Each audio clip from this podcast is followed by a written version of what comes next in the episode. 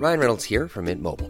With the price of just about everything going up during inflation, we thought we'd bring our prices down.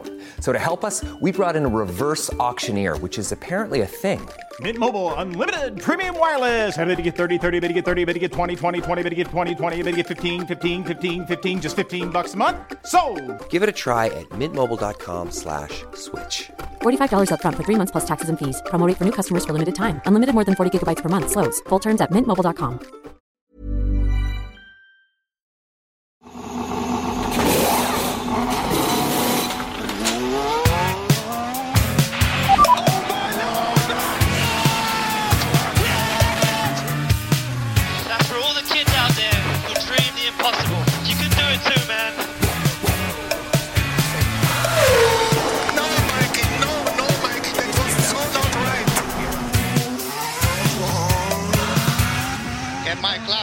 steering wheel.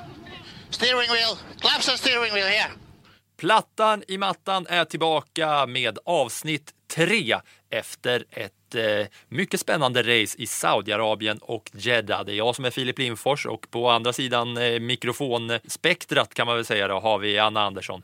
Ja men såklart. Skoj! Avsnitt tre. Det är ju så här, jag som är handbollsmänniska, ett, två, tre, sen är det väldigt många.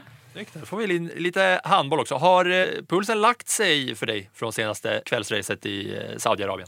Ja, det har den när jag inte tänker på det. Men så fort jag tänker tillbaka så känner jag hur den går upp i 200 knyck. Gör inte din det? Jo, verkligen. Jag kollade på eh, alla highlights igår kväll innan jag gick och la mig. Jag körde liksom träningen 1, 2, 3, kval highlights och eh, race highlights igen då. För att, ja, vilken säsong det är som vi har fått se start på här. Mm. Ja, det är fantastiskt och det, framförallt så tycker jag det är lite kul för att för första gången så har man faktiskt liksom designat en bil, inte för att den ska vara snabbast utan för att den ska ge bäst show och bäst eh, möjligheter till racing. Och eh, om man får nu ge någon slags betyg efter två race så är det väl precis, precis just det som den har gjort. Mm. Vi ska säga för det första tack till alla er som har lyssnat på våra två första avsnitt för att det är tydligen väldigt många som har gjort det har vi fått berättat för oss. Eh, så det ska vi börja med att säga att vi är väldigt glada över att det faktiskt känns som att vi eh, har gått från växel 1 till 2 till kanske 3 nu då, eller? Ja, det är väl bra med växlar i ordning i alla fall. Ja, ja vi, det är ingen eco-driving på oss här. Vi kör inte från etta till trean utan det är, vi ska, vi ska ta, eh, dra nytta av alla våra, alla våra växlar där. Och eh, nu när vi har kört två, tre avsnitt här så eh, börjar det väl lite sätta sig en, en form på eh, hur vi kommer ha det här upplägget. Vi kommer varje vecka såklart ge, eh, gå igenom det race som har varit. Podden kommer komma för det första varje onsdag är nu målet. Det kanske ändras, men det lutar verkligen åt att det blir onsdagar som podden kommer komma ut. Så det första ni ska göra nu om ni har kommit så här långt och lyssnat eller om ni lyssnar första gången, det är att ni ska klicka på prenumerera i era podcastappar och sen så ska ni framförallt höra av er till era andra vänner som kanske inte har hört Plattan i mattan och andra som är F1-intresserade. För att ni är hjärtligt välkomna in i eh, F1 podcastvärmen här hos oss allihopa. Eh, podden kommer läggas upp ganska liknande varje vecka. Vi kommer köra en sprintgenomgång kallar vi det av eh, föregående race som har varit och sen efter det så kommer vi liksom komma in då från, från den här sprinten så kommer vi komma in i någon slags chikan där vi saktar in och zoomar in på några snackisar och nyheter och lite vad som har hänt sen racet och eh, självklart racet i sig.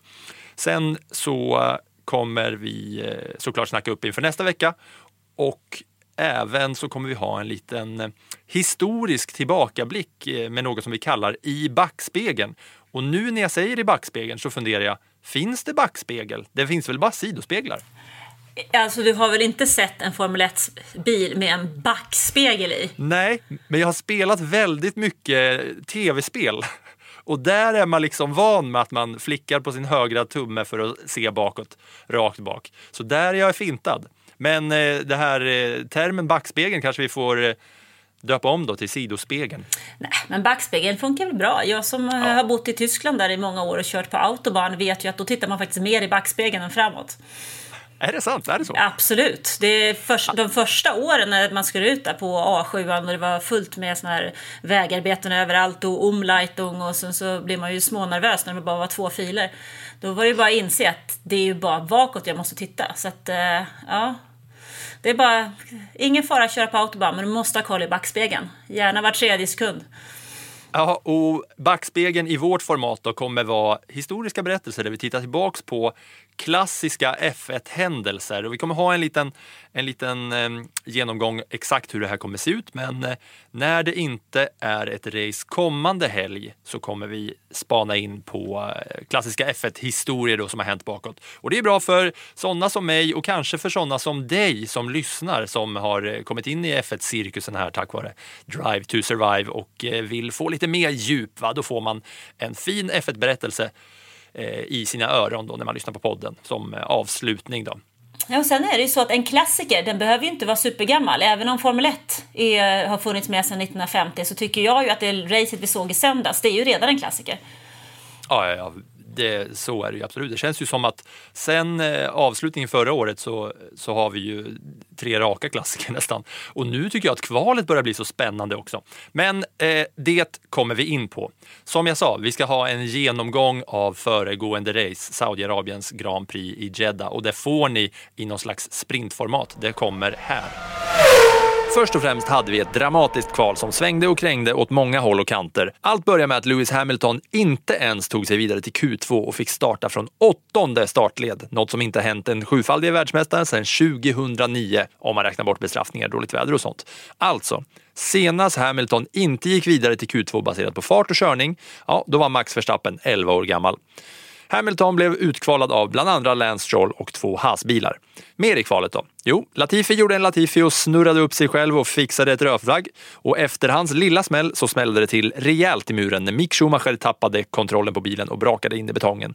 Men allt var väl med tysken som dock inte kunde köra helgens race på grund av den kraftiga smällen. I toppen såg det länge ut som att Leclerc skulle upprepa kvalsuccén från Bahrain med en ny pole position, men på det absolut sista varvet av sitt 215 kval så susade Checo Perez förbi och slog monegasken med 25 000 delar av en sekund.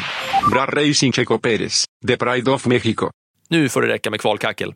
Ett oväntat städat race får man väl ändå säga, där vi slapp se några större katastrofer på den trånga banan i Mellanöstern. I början av racet fick vi se de båda alpinbilarna nästan köra varandra av banan när Alonso och Ocon inte kunde komma överens om vem som var snabbast. Där fram så behöll Perez sin position en stund men sen blev han uppfintad på läktaren av Charles Leclerc och Ferrari som fejkade ett kommande depåstopp på radion som gjorde att Red Bull blev livrädda och skeppade in Perez i depån medan Leclerc körde vidare upp i topp och direkt efter så gör Latifi det han gör bäst. Sladdar in i muren och tvingar fram färgade flaggor.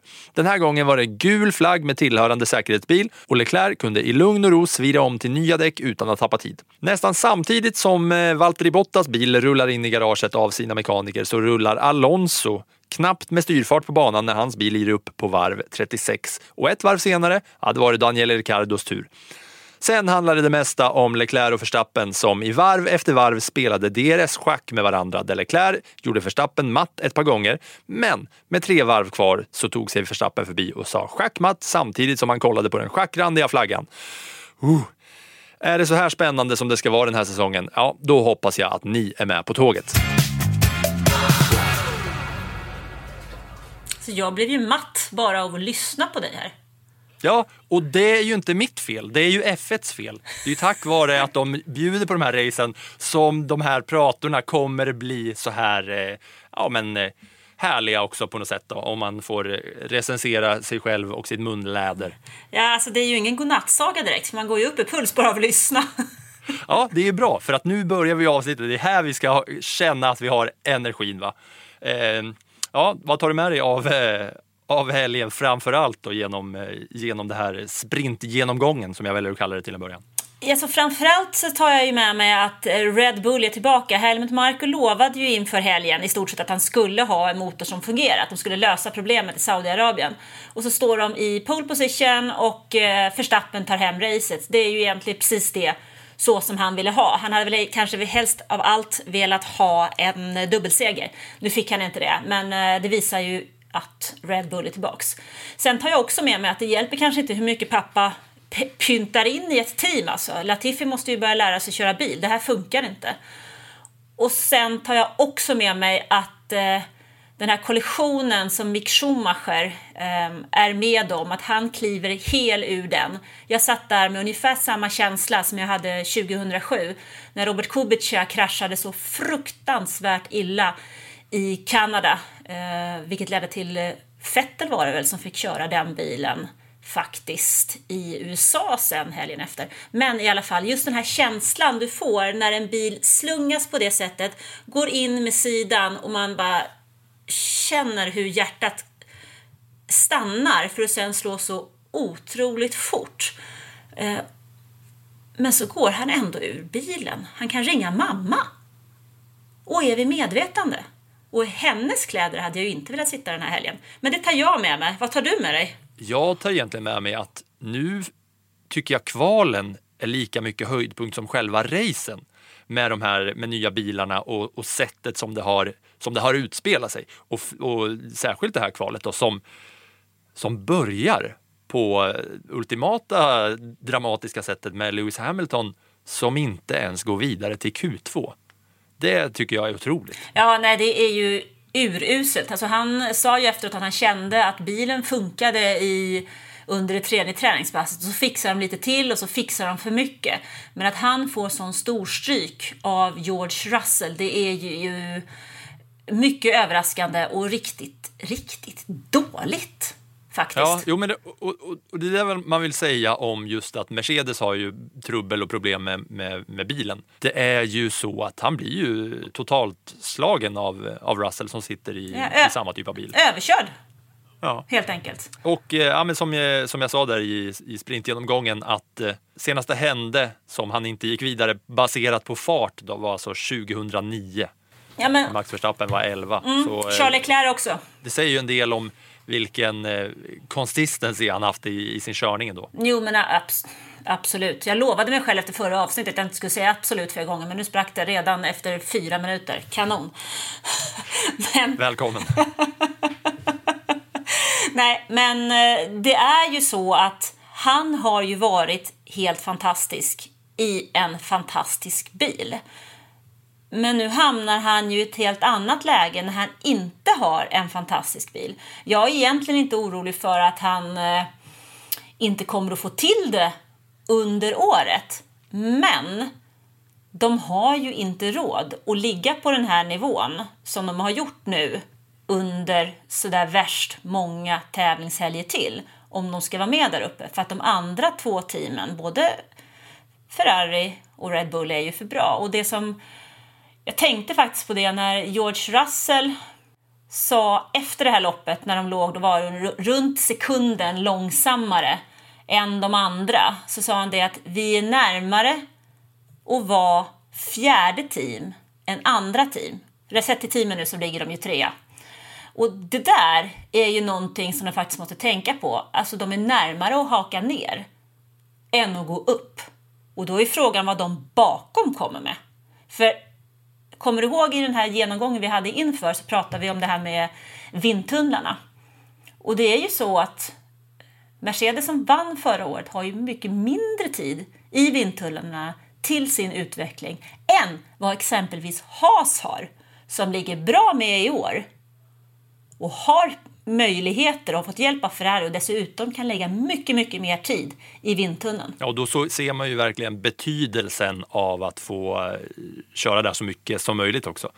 Nu säger jag inte att det bara är på grund av den, den saken, men det visar ju ganska tydligt att, eh, att det har någon slags betydelse. Ja, men och sen så hamnar vi nu i ett läge där Ferrari, Ferrari säger jag, där Mercedes, de måste ju nyttja varje möjlighet de har. Men de har inte riktigt lika mycket möjligheter till att reparera det. Och det är där som, som skon klämmer och det är där som F1 har gjort en stor förändring för att, att fältet ska bli jämnare. Nu hade de varit i ett annat läge, de hade fått vara så mycket hur de hade velat i den där vindtunneln. Eller så som man förr i tiden testade på banan när Schumacher låg från morgon till kväll och körde på Fiorano. Då hade de ju kunnat testa, testa, testa, testa under ett sånt här två veckors uppehåll och så komma tillbaka och vara lika bra som de andra. Men det får de ju inte nu. Det är ju helt andra begränsningar. Och det gör det ju jätte, jättesvårt för Mercedes. Så frågan är ju när tåget går nu. Ja, eh, Och om man kollar i andra delen av spektrat, då, om vi håller oss eh, kvar i kvalet i och med att det var eh, Hamilton som, som inte tog sig vidare där till, eh, till Q2. Att vi kollar högst upp där det såg ut som att Leclerc länge, länge, länge skulle ha den där pole position igen. Och sen då kommer han, Checo, och säger hade jag fått köra om det där varvet tusen gånger hade jag aldrig klarat av att köra så snabbt igen. Det- Då Ja, garvar men man grejen är att ordentligt. han är ju inte före i början av varvet. Det är någonstans där i mitten, slutet, som man plötsligt plockar tider som man inte trodde var möjliga. Det var ju som om mannen inte bara var från Mexiko, han var från yttre rymden liksom. Helt makalöst. Ja, men det, det säger ju någonting också om vilken, vilken bedrift det var om han själv betygsätter sig på det där sättet. Han har kört 215 race och aldrig haft pole. Och efter när han gör det säger han, "Nej, ge mig tusen chanser, jag kommer aldrig göra det igen. Då är ju, då bevisar ju det att det var once in a lifetime Ja, där för honom. Otroligt. Fast å andra sidan så är det väl som allting annat. Har man bara gjort det en gång så kan man göra det igen. Ja. ja, det där kanske har eh, släppt för dem. Det får vi se. De har ju eh, sannerligen fart i alla fall. Eh, Ska vi släppa kvalet där då? Vi kommer komma in lite på Schumachers krasch och ta oss vidare till ändå racet ändå va? Ja, och då kan man ju bara säga så här. Vart ska man börja egentligen? Det finns ju ett och annat att gå igenom från det här racet, men vi kanske ska ta det från början som det började då. Ja, men det är väl lika bra så att jag hänger med. För att det här var ju alldeles för mycket som hände på en gång. Ja, man får eh, samla sig och eh, regroup och så kör vi från början då när racet väl startar med Perez i pole, Leclerc som tvåa. Och Perez håller då till en början eh, sin första eh, position ett tag innan eh, Ferrari fintar upp Perez och hela Red Bull-teamet får man väl ändå säga då på någon slags eh, ja, VIP-läktare. När, eh, när, de går, eh, när, de, när de kommer och tydligt på radion säger att nu ska vi, nu ska vi in, box, box, box, eh, Charles, in och, in och boxa. Vilket gör att Red Bull skeppar in Perez då. Alltså de var ju ute och köpte korv alltså. Ja. Ja, jag tänkte på det här för att jag, jag tänkte att man skulle göra några sådana upp på läktaren, komma tillbaks med sena på överläppen referenser. Men jag vet inte vad man har för liksom kioskgodis på en F1-läktare i Saudiarabien. Så han var väl uppsnurrad och köpte bröd med guld i eller vatten för tusen dollar. Vad kan, det är väl typ det som man eh, köper där på. Oavsett om de köpte korv, polkagrisar eller eh, såna här spanska mackor med chamon så var de helt väck. Men å andra sidan så är det så, när jag tänkte efter på det här lite grann, att de hade ju inget alternativ. För hade de inte gått in så hade de riskerat med en undercut i det läget. För då hade ju de kunnat gå åt andra hållet. Han hade ju däremot behövt hålla ut ett par varv till. För nu hade han, när han gick in i depå, så hade han inte de 22 sekunderna som det krävdes för att ta sig förbi Russell med det depåstoppet. Ett depåstopp i Saudiarabien tar ungefär 22 sekunder. Om jag minns rätt hade han typ 20 på Russell. Så när han gick in så visste vi ju att han skulle hamna i trafik. Men de blev lite för nervösa och han var lite för rädd för att riskera den här undercutten så de gick in ändå. Och det bygger ju upp hela läget för Ferrari och för Verstappen. Jag satt å andra sidan och var lite så här, jaha hur ska det gå till nu då? Tänk om vi har Paris och, och Verstappen kör i kapp där, blir det en teamorder här? Men nu, lös, nu vart det ju på ett annat sätt och ett skräpsätt för Perez får man väl ändå säga. Mm. Och, ja, och det, som, det som händer då efter att Perez går in i depån, Leclerc kör upp i topp och eh, kan hålla då den, den ledningen en stund. Sen dröjer det bara några varv innan Latifi eh, kör en eh, Latifi-krasch.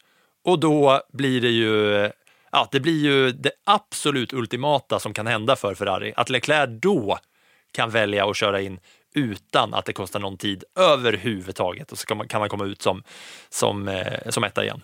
Mm. Alltså för, för Ferrari så var det ju verkligen upplagt för rätt läge.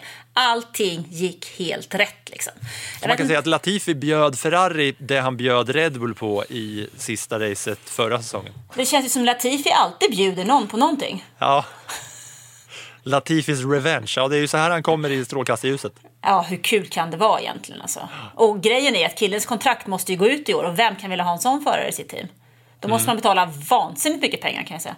Ja. Om det ja, men, eh, men, eh, men det som hände då var ju i alla fall att eh, då, då kom ju Leclerc ut. Det hade ju sett helt annorlunda ut om Latifi inte hade gjort den där kraschen då, för då hade väl Perez kanske kunnat komma ut i en bättre position, men i och med att Leclerc tappar noll sekunder i princip på att köra depåstoppet där när, när det är gul flagg, så, så sparar de ju allt och det, det bygger ju upp för resten av loppet och sen själva kampen som kommer på slutet. Ja, hela det där lägger ju grunden för det som vi sen får se. För sen har vi ju då Leclerc före Verstappen och vi förväntar oss att det ska bli en fight, eh, kanske med någon omkörning. Men nu får vi ju liksom ett fyrverkeri av spänning på ungefär samma sätt som vi fick i Bahrain, men med en annan eh, utgång den här gången. För det som, det som det handlar om i det här läget är ju faktiskt det här med DRS-zonen. Grejen, många, jag har förstått att det är många som funderar varför, de, varför Leclerc gjorde som han gjorde under den första gången. Men det är ju så att den som är den som kör om precis före DRS-zonen, han ger ju konkurrenten möjligheten att svara med DRS, den här drag reducing system, så du får en hjälp och en skjuts över den här rakan. Så därför så släppte han ju förbi Leclerc och med de här nya bilarna så vet vi att det går att suga sig fast och komma förbi. Så han kan, få, han kan svara direkt. Det var ju det som hände första gången. Och där var ju Leclerc återigen ute och köpte solrosfrön. Nej, nu sa jag fel. Verstappen. Där- Ja, jag, tänk, för- jag, jag tänkte avbryta det för du sa Verstappen förra gången också. Men det är okej. Det, det är okej. Den, är, den är rimlig. Det är snurrigt med Verstappen och Leclerc hit och dit och fram och tillbaka. Särskilt med det här liksom DRS-schacket som de lirar. Då. Ja, nej, men det är ju så. Det är ju helt enkelt. Det är ju Verstappen som är ute och köper solrosfrön naturligtvis en gång till för att Leclerc tvingar honom och han är inte med på den. Och så kommer vi i samma läge sen då något varv senare. Vilket resulterar i att där vill han ju inte göra samma grej. Och då bromsar de ju. Det känns ju som att de står på bromsen där, båda två. När de ska in i den här situationen. Men, ja, och det, eh, det där var ju, förlåt att jag avbryter, men det där var ju en sån stund som man i soffan liksom ställde sig upp och bara what, vad är det han gör där? Det är, liksom, det är som i fotboll när man ser en, eh, ja, men en, ett magiskt frisparksmål eller något sånt. När, han, eh, när, när Leclerc bromsar precis innan DRS-linjen då, så att Verstappen eh, låser på sig och, och, det, och det ryker lite från däcken där. Mm. Ja, och där har ju faktiskt Leclerc har ju den bättre, det bättre spåret där, så där lyckas ju han ta det i alla fall. Eh, Men sen får vi ju en fortsättning på den där förbannade kampen. Och eh, där är det ju då så att eh, Verstappen faktiskt låter bli att köpa solrosfrön. Ja, och, och eh, om vi då bara för att få en liten eh, överblick av, nu har vi alltså tagit oss från eh, alltså den här kampen som, som är i början när, när Ferrari eh, fintar in Red Bull i depån och under racet då så är ju Leclerc längst fram och sen är det en kamp med Verstappen och då på de sju, åtta sista varven eller sånt, det är ju då det här DRS-schacket börjar spelas mellan Leclerc och, eh, och Verstappen då. När, de, när Verstappen tar sig förbi först, missar den här DRS-linjen och då ser man ju också vad DRS gör så klart och tydligt för att det blir ju, det blir ju lätt för den som är bakom då att, eh, att, att hinna förbi. Och det var ju så, ja, nej, men som jag sa, att jag ställde, vi ställde oss liksom upp i soffan hemma och, och vrålade över den manövern som Leclerc gjorde. Och sen så är det ju den där, den där gången när Verstappen eh, låser på sig och då är ju Leclerc så snabb också att upptäcka att ah, där låser han på sig, nu sticker jag. Så då, för, för den gången så är Leclerc faktiskt före Verstappen, men då, då är han så pass långt före så att Verstappen inte hinner, hinner ikapp på, på rakan där. Nej, han har ju, där har han ju ett klart bättre spår och han, han lurar ju faktiskt eh, Verstappen igen. Han är ju, sen ska vi komma ihåg en annan sak. De här två killarna, de är födda samma år. Eh, De är födda 97 tror jag, båda två. Så att de har ju tävlat mot varandra sen de var, ja, de var ju inte ens torra bakom öronen liksom. De har ju tävlat mot varandra, så de känner ju varandra. Och det som slog mig här är ju vilken respekt som finns mellan de här två förarna. Jag tror ju inte att det hade sett likadant ut om det hade varit Hamilton och Verstappen. Nej, och det, det skrev jag upp också, fast jag drar det gärna ett eh, steg längre och säger att vi har ju redan bevis på att så kör inte Verstappen om det är mot Hamilton han kör. Då är han ju mycket mer vårdslös och, och viker inte en tum. Här, ja, Ja, antingen ser man det aggressiv. som Ja, jättemycket mer aggressiv och eh, ja, men eh, lite liksom mobbare sådär. Sen så kan man ju å andra sidan se det som kanske har han mognat en aning med tanke på att han tog världsmästartiteln förra året. Men jag tror ju garanterat att hade det varit Hamilton där, då hade ju inte någon av dem, den ena hade i alla fall inte gått i mål. Nej, men det känns ju som att när Verstappen kör mot Hamilton så växer det horn i pannan på honom. Tjurhornen växer ut. Ja, det är väl de va? Ja, ja det är det. Men det är De också stora tjurhornen. Det jag också tyckte var intressant är efter det här, efter racet, ja men nu tar ju Verstappen honom där på slutet. Eh, vi sitter och hoppas på att vi ska få en comeback av Leclerc, men han orkar inte riktigt. De var båda nöjda och glada i depån efteråt, även om Leclerc säkert var besviken. Men sen kommer Christian Horner, denna Christian Horner som har haft sina fighter mot Toto Wolff här nu då i ett helt eh, år och man har blivit helt trött på vad de tjatar och gnatar och beter sig som treåringar. Och så säger han då att han är kritisk mot att man lägger DRS-zonerna på det sättet så att man kan hålla på och leka katt och råtta på det där sättet. Och han tycker att vi borde man istället att fundera över var de ska ligga. För nu hade vi tre DRS-zoner i Saudiarabien, vi hade också tre i Bahrain. Men vad tycker du om den biten egentligen? Var det rätt? Eller ska man ta och börja strypa den här möjligheten nu? Nej, nej, nej, det här är ju kanon. Alltså, särskilt när det, när det utspelar sig på det här sättet. Jag tycker ju verkligen att den här DRS-funktionen som den, som den är nu bidrar något extremt till, till underhållningen. För det blir ju, det blir ju ett extra tillägg när man sitter och kollar på kartan på de små plupparna som åker runt. Så har man koll på hur nära de ligger varandra och just det här med att man måste ligga inom en sekund. Det blir ju att man tänker ju ett steg extra då när man ser att det är någon som kanske, ja men man ser att Verstappen har varit inom en sekund. Sen ser man helt plötsligt några varv senare så är han tre, fyra sekunder bakom. Då tänker man okej, snart kommer det. Verstappen laddar upp batteriet ordentligt nu här så är han redo. Så hinner man liksom gå igenom i huvudet. Ja, okej, men håller, håller Leclerc på med en motattack här nu? Kör han lite långsammare för att Verstappen ska komma in här inom det där DRS-området och sen sticka? Jag tycker det där eh, lyfter. Mer DRS åt folket, säger jag. Ja, framförallt så tycker jag att det är bra när de ligger på det där. Jag tycker nog också att det är bra när de ligger på det där sättet. För jag tycker just den här DRS-fighten på det sättet, den har vi inte sett tidigare. Då har det inte varit någon fight, utan då har det verkligen varit så här, jaha, öppnar vi in den, tjopp, nu är vi förbi. Utan, och numera så alltså, är eh, sen den här säsongen då, när det är lättare att köra om igen så kan vi få se en motattack och en, en fight som sträcker sig eh, och ibland inte bara kurva efter kurva utan varv efter varv. Här höll de ju på och, och nötte på varandra i fyra, fem varv. Och jag tycker faktiskt att det tillför. Så där tycker jag att Horner har fel, fel, fel faktiskt. Ja, ja, ja. Och, och, och i hans fall så är det ju faktiskt så att han drabbades ju av det flera gånger. Så att han är väl lite generad och, eh, och sådär. De, de åkte ju på eh, DRS-niten där som gjorde att, eh, ja, det, det, det står väl för honom ännu mer i och med att Leclerc så att säga egentligen flera gånger vann den där DRS-kampen på något sätt, även fast Verstappen till slut då. Men det var ju mer på fart tycker jag, att som Verstappen till slut tog sig förbi. Jo men det var det, det var absolut på fart. Eh, jag, jag skulle vilja säga att, att Leclerc var väl den smartaste av dem medan eh, Verstappen hade en tyngre högerfot. Ja, tyngre högerfot. Han tränar vaderna lite mer än monegasken. Ja, nej men eh, som sagt, det där tyckte jag var alltså från start till mål ett av de mer spännande racen eh, de senaste åren. Jag ty tycker redan att det är liksom det är en klassiker. Det finns så många olika höjdpunkter där som man, som man vill eh, ta med sig. Jag tyckte att det var en klassiker faktiskt redan när de gick i mål och jag hade mjölksyra i mina fingrar efter live-rapporteringen. Jösses kan jag bara säga. Ja, Jösses, eh, vi, vi har faktiskt eh, fått reda på att det är många som följer den där live-rapporteringen också. Och vi har tidigare i avsnitt 1 och 2 re gjort eh, reklam för oss själva, men om du inte har tittat in live-rapporteringen på sportbladet.se när det är race så är det dags att du gör det när vi kommer till Australiens Grand Prix sen.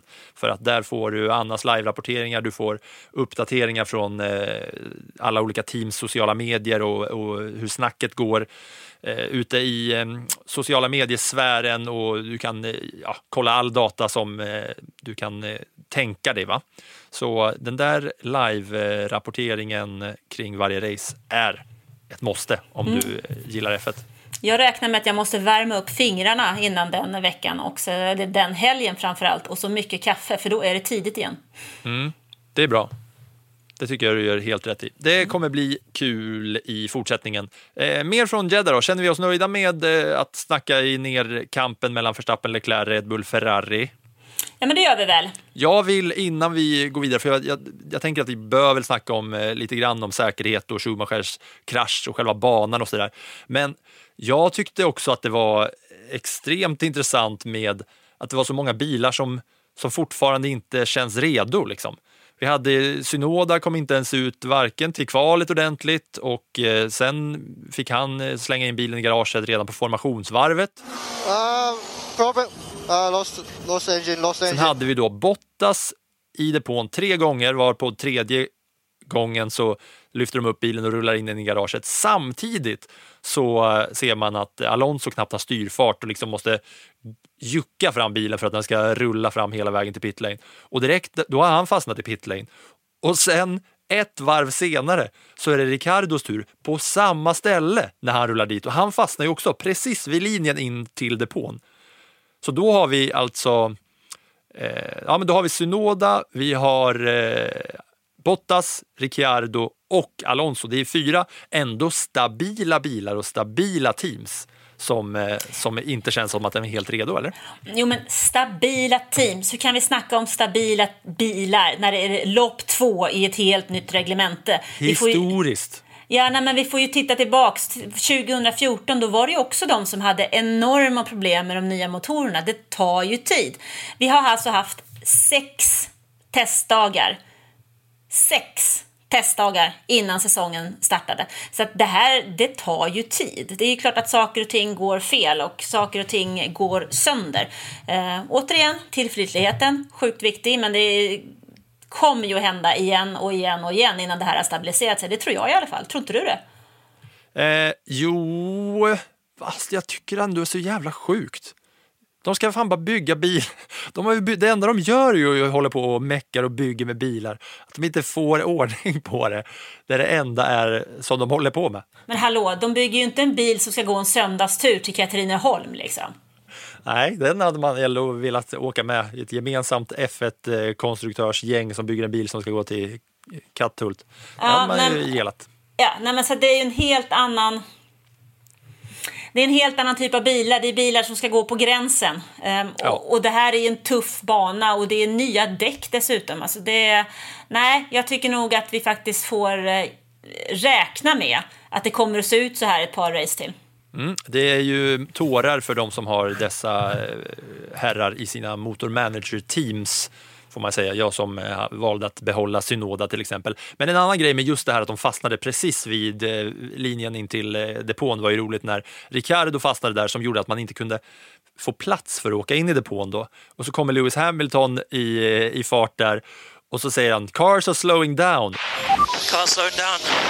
och så då precis när han åkt förbi ingången till depån så ropar, så ropar de i, i radion till honom. Box, box, box. Too late. Direkt efter han åkt förbi. Ja, men alltså. Där tycker jag ju att, att eh, Hamilton måste ju vara lite vaken. Alltså, Ja. det kändes ju lite grann som han satt och var förbannad och tänkte på annat liksom. Ja. För han inte drog omkring i täten liksom. Nu måste han ju vara med på grejerna. Han kan ju Mm. liksom inte...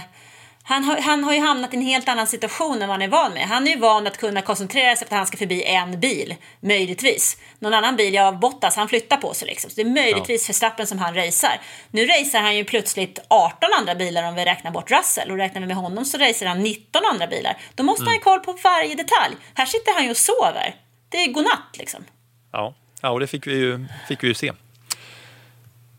Ska vi ta oss vidare från själva racet? Yes. Om ni har kommit så här långt in i våran podd så eh, förstår jag att ni är tillräckligt intresserade av Formel 1 för att eh, ha både intresse och öron och ork för ännu en F1-podd.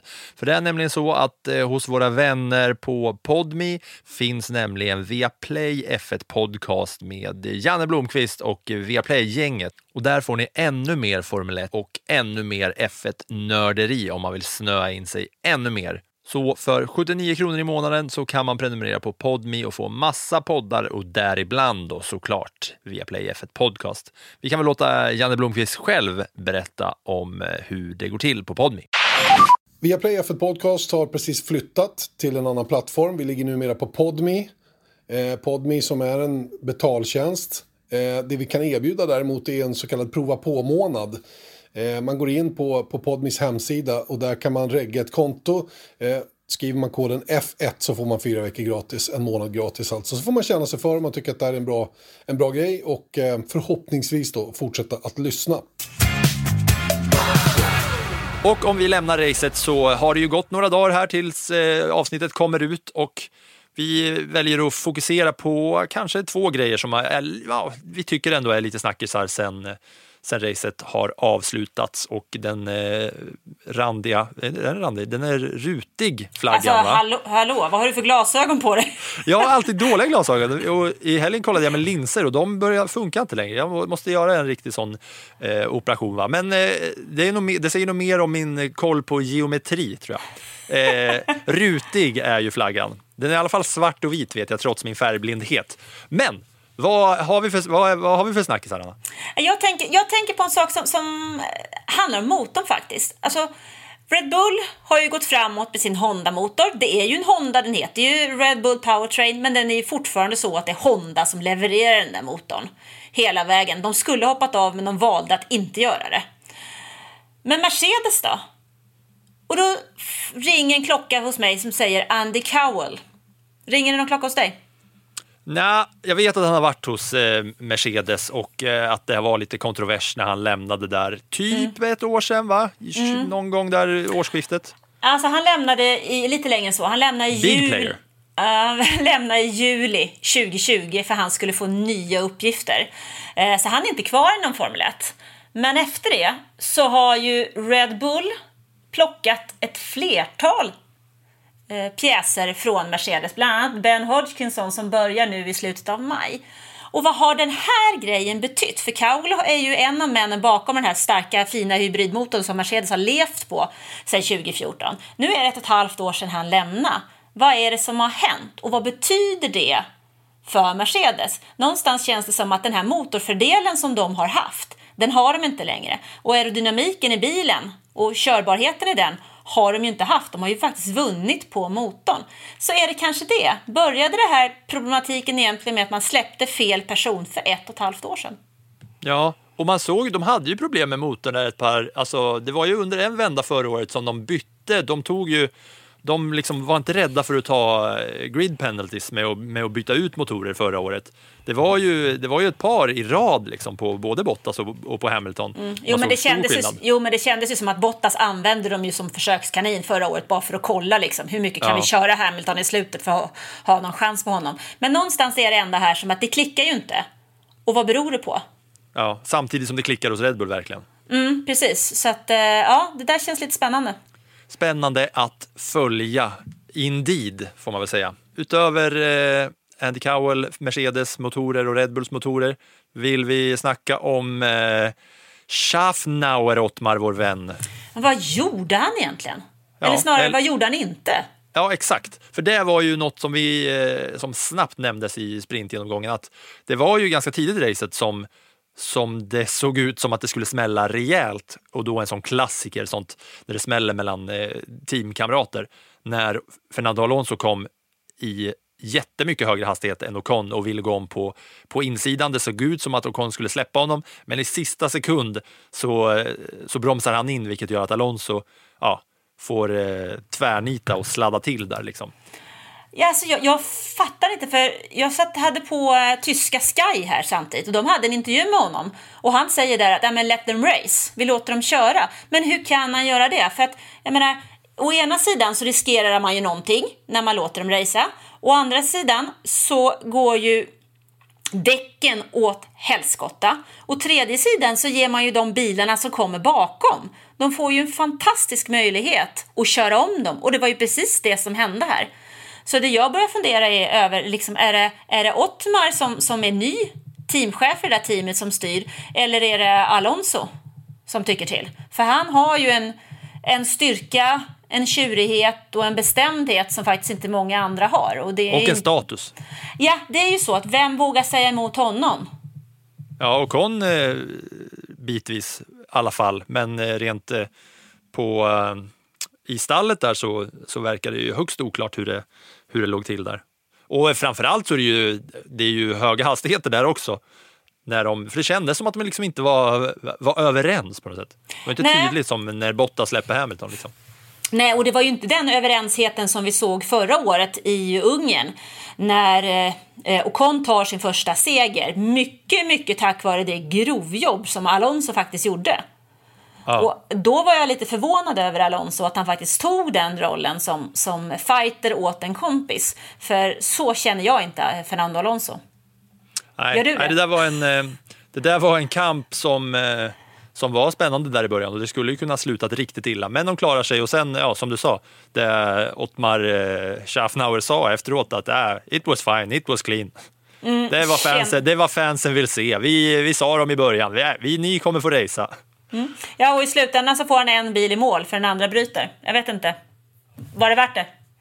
Och sen så kan vi ju inte bara snabbt springa vidare från Jeddah utan att prata om själva banan och framförallt då Mick Schumachers krasch, eller krasch, i, eh, i kvalet. För det var ju en, det var ju en redig smäll där många då förmodligen satt med hjärtat i halsgropen, som man säger. Ja, alltså det var en fruktansvärt smäll. Det som är imponerande i den här smällen det är ju att chassit är intakt hela tiden. Alltså.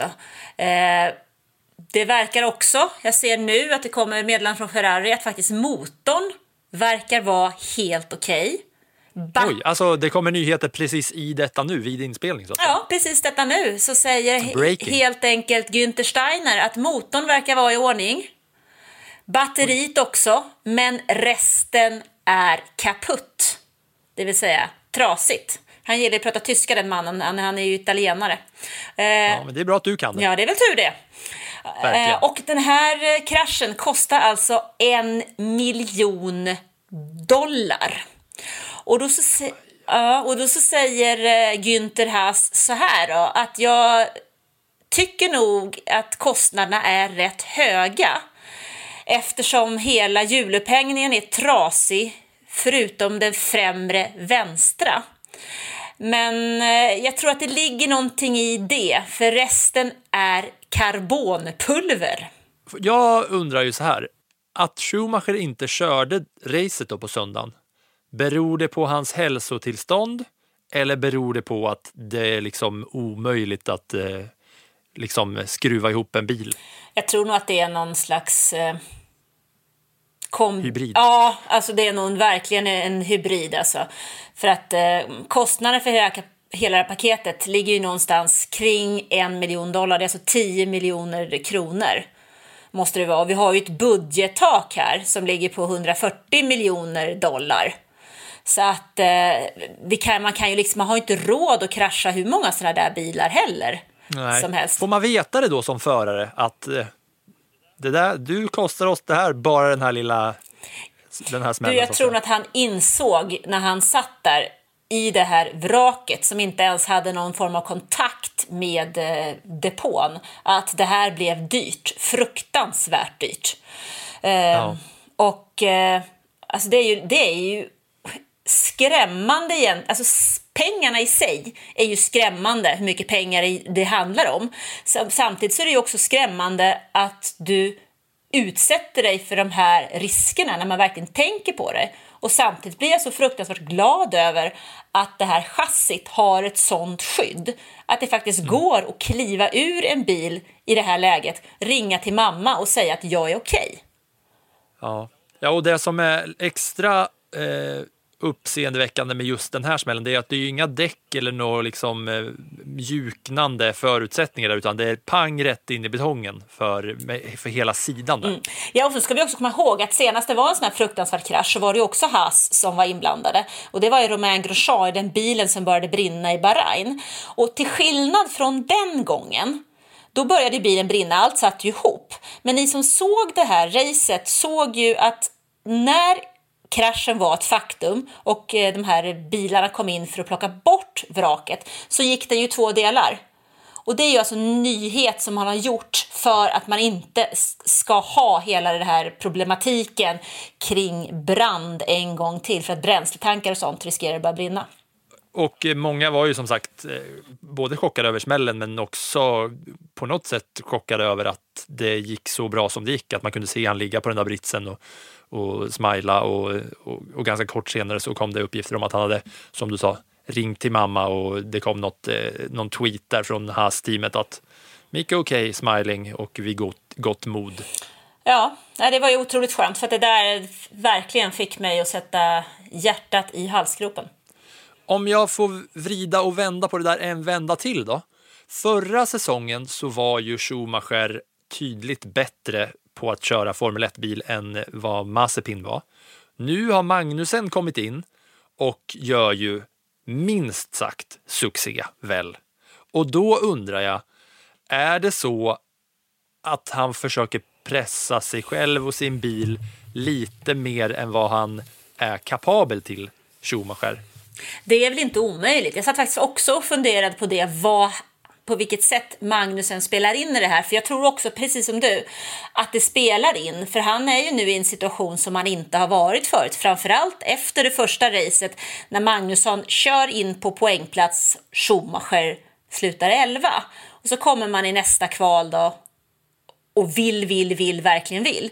Samtidigt är jag lite imponerad över att han tar upp den här fighten med Magnusson, att han vågar det. Ja, för han är ju på, han är ju på god väg. Han ligger ju, han ligger bra till och kvalade ju som sagt ut eh, Hamilton där, skulle gått vidare till Q2 med den tiden som han hade innan, innan han kraschade, både före Hamilton och före Stroll där tror jag. Eh, men sen är det väl också banan där, den är ju för ett ja, sån, som, sån som mig som är någon slags casual fan ändå, som inte, visst jag har kört de där banorna extremt många gånger på Playstation och lirat liksom, jag kan de där kurvorna så att säga, men det känns ju som att just den delen av banan i Saudiarabien är ju ett kritiskt ställe där det är lätt Eh, alltså, det går fort och det är den där snabba, snabba svängen och det är blind spots och man ser ingenting för murarna är höga och, och den där höga kurben också. Ja, så det går ju undan och det är nästa diskussion man får ta. Ska man ha den typen av mur, höll jag på att säga, avgränsning på en sån bana där det går så fort? Ja, nej, för just det här stället, eh, man var ju lite på helspänn varje gång i resten av racet när man såg eh, inzoomat där på, eller kamerabilderna på när folk kom eh, i höga farten där i den där kurvan. Och det var ju många gånger som det vi snackade, alltså det var millimeter med eh, när bilarna gick in i den där kurvan med vänsterräcket mot, mot muren. Det var ju både ett smärre mirakel att Schumacher klarade sig så pass bra och att det faktiskt inte smällde mer än vad det gjorde under det här tävlingsracet. Ja, precis, absolut. När vi nu ki- kikar på Saudiarabien här så har vi haft race där förra året och vi har race där i år. Men till 2023 så är det väl tanken att faktiskt att eh, tävlingen inte ska köra i Jeddah utan det blir på en annan bana. Som man håller på, Ja, som okej. man håller på och bygger. Ja. Ja, det blir väl spännande att se hur, eh, hur den blir där. Eh, Det här är ju ändå en stadsbana, klassas den som väl den här, eller hur? Och är den överlägset snabbaste av dem. Ja, precis så är det. Eh, men Och då är det väl Monaco, Monaco, Azerbaijan, den här och nu Miami, eller? Har jag missat någon? Singa, Singapore, Just det. Ja. Ska vi ta oss vidare? det tycker jag vi gör. Let's go. Och jag vill återigen uppmana er som lyssnar på podden, er som följer live-rapporteringen och ni som läser Annas blogg att höra av er till oss. Antingen så kan ni mejla till mig då, filip.lindfors.aftonbladet.se. Ni kan också skriva till mig på Twitter. Filip Lindfors kan ni söka på eller på Filip Lefors. Ni kan också skriva på hashtag plattan i mattan F1.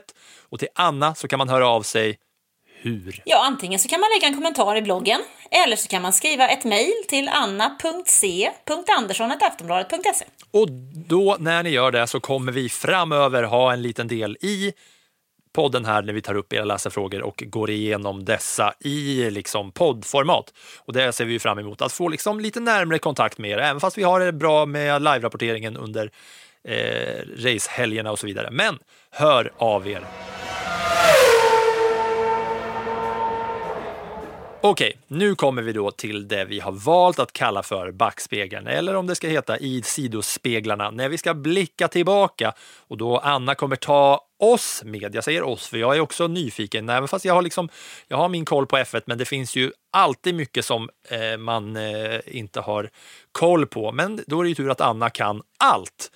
Och därför så kommer vi ha då en liten, en liten eh, låda här, eller en liten, eh, en liten påse med massa olika eh, F1-klassiska händelser som, eh, som vi kommer ta er med på en historisk resa. Då. Och då i den här lilla, lilla lådan så, så kommer vi ha massa små lappar och för varje gång som det inte är ett race kommande helg så kommer ni få höra eh, i backspegeln då, i plattan i mattan. Och vi ska börja med att inte dra en lapp, för här har vi faktiskt bestämt oss vad vi ska börja snacka om. Mm, för första gången ska vi faktiskt göra det. Sen får du plocka dina lappar ur handskfacket där. Men eh, nu ska vi faktiskt börja snacka om Mercedes. Och i det här läget så handlar det väl egentligen om Mercedes förvandling 2014. Nu har de också kanske genomgått en stor förvandling. Men vad var det som hände 2014? För den förvandlingen tar oss faktiskt med till vad som hände idag.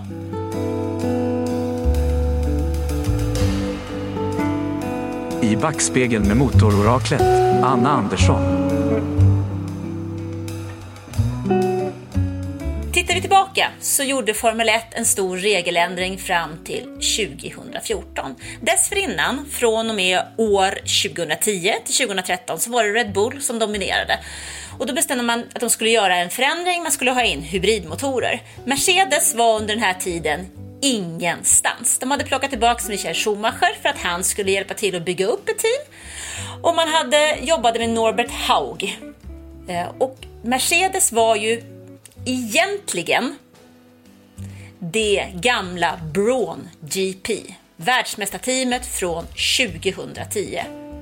Det är det teamet som är Mercedes idag. Man köpte de faciliteterna. Men Mercedes, som i det här läget körde med Michael Schumacher och med Nico Rosberg, de var noll och ingenstans. Så då plockade man in Toto Wolff och Niki Lauda. Och 2015 så hade jag förmånen att eh, göra en längre intervju med Toto Wolff och han berättade det här för mig. Nu ska jag faktiskt citera honom. Han sa så här. Niki Lauda och jag fick uppgiften att analysera och förstå varför man inte nådde den framgången som man hade hoppats på. Idén var att vi två som två verkställande direktörer, medvetna om ansvaret vad det gäller det här märket, skulle köpa andelar i teamet och ta över ledningen. Vi gjorde tre 2013 och sen gick det också bättre. Men det som var avgörande för våra framgångar, det var regeländringen. Vid flera tillfällen genom historien har ett team tagit tillvara på den fördel som en regeländring faktiskt innebär rent sportsligt och därefter nått framgång. Så var det för Red Bull 2010. Och vi började arbeta med vårt motorkoncept 2012 och satte fokus på 2014. Under 2013 la vi inget som helst fokus på resultatet utan vi koncentrerade allt vårt arbete, även när det gäller chassit, mot 2014. Vi skulle vara i topp när säsongen startade. Och det var ju precis det här som hände då. Att Mercedes gick ifrån noll och ingenting till att fokusera allt arbete på 2014. Man behövde inte bry sig om säsongen innan. Det arbetet man gjorde då ledde till att man kunde utveckla en bil efter den här otroligt framgångsrika och överlägsna motorn. Och hela det la grunden till den dominans som Mercedes hade då. Tittar vi på hur det ser ut nu, så vad hände förra året? Mercedes hade inte möjligheten att de senaste två åren koncentrera sig på den här regeländringen. För de har ju istället slagits om VM-titeln. Men lite intressant är det ju ändå, tycker jag, om man tittar i backspegeln vad Toto Wolf sa till mig för nu sju år sedan och hur F1 ser ut idag.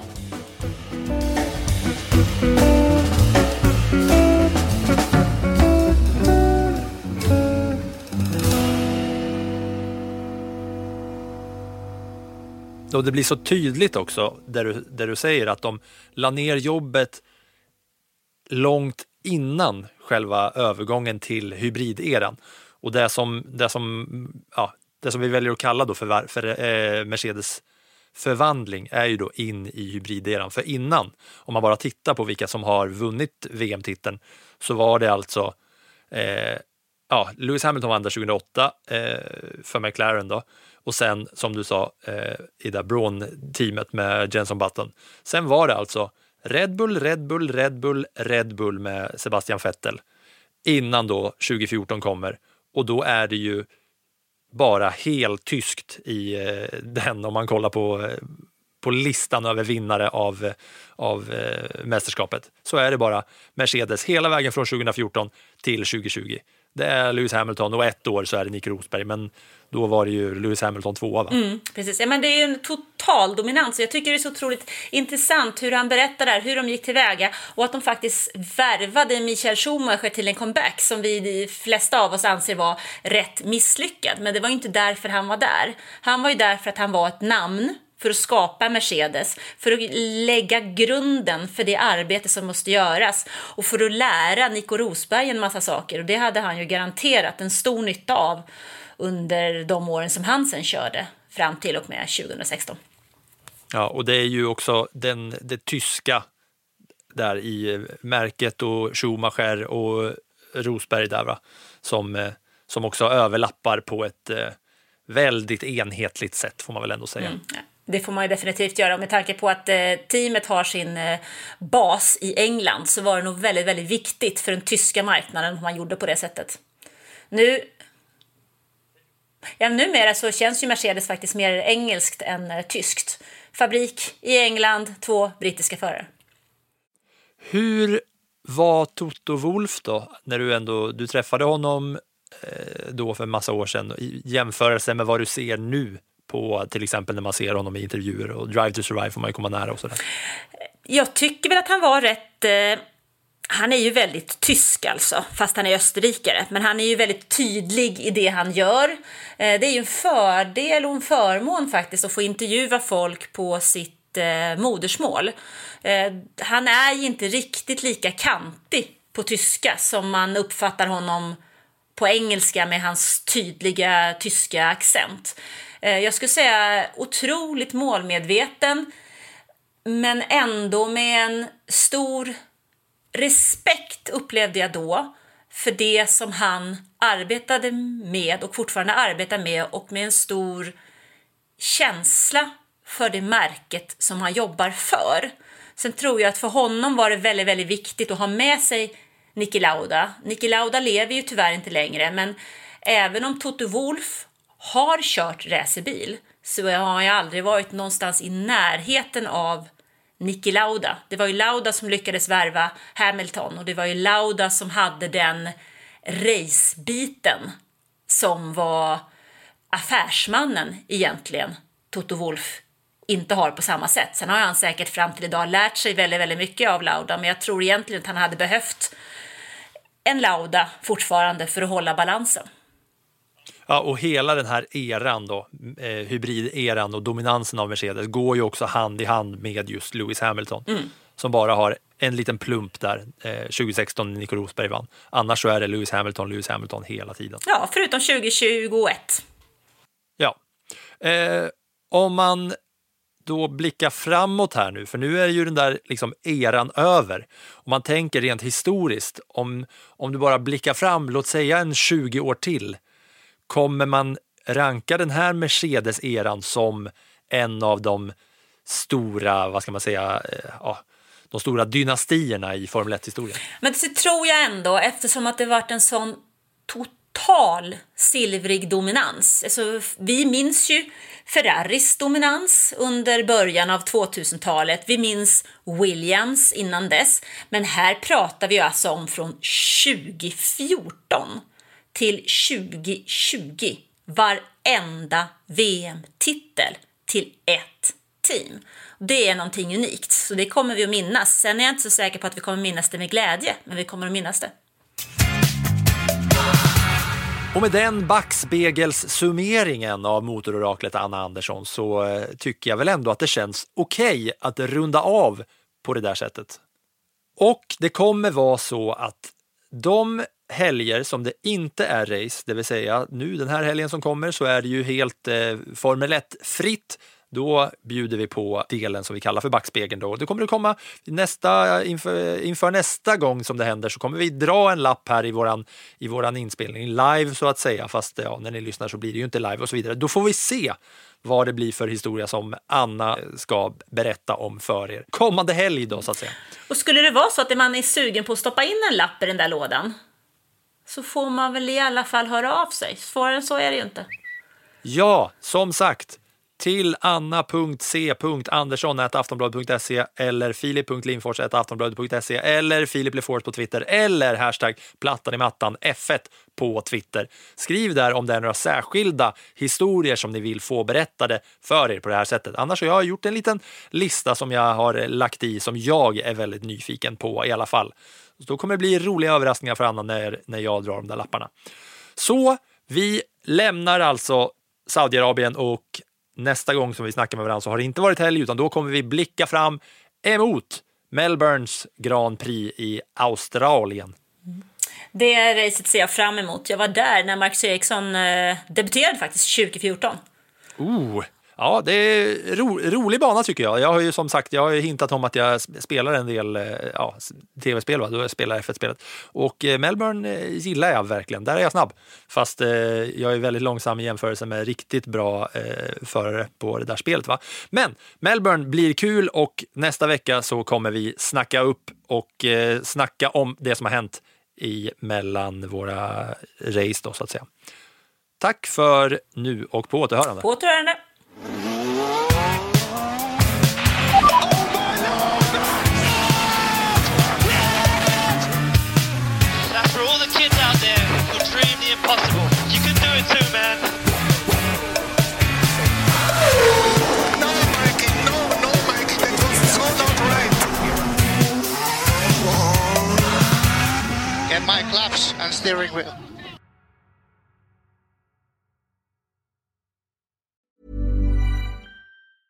Hey, I'm Ryan Reynolds. Recently, I asked Mint Mobile's legal team if big wireless companies are allowed to raise prices due to inflation. They said yes. And then when I asked if raising prices technically violates those onerous two year contracts, they said, What the f are you talking about, you insane Hollywood ass?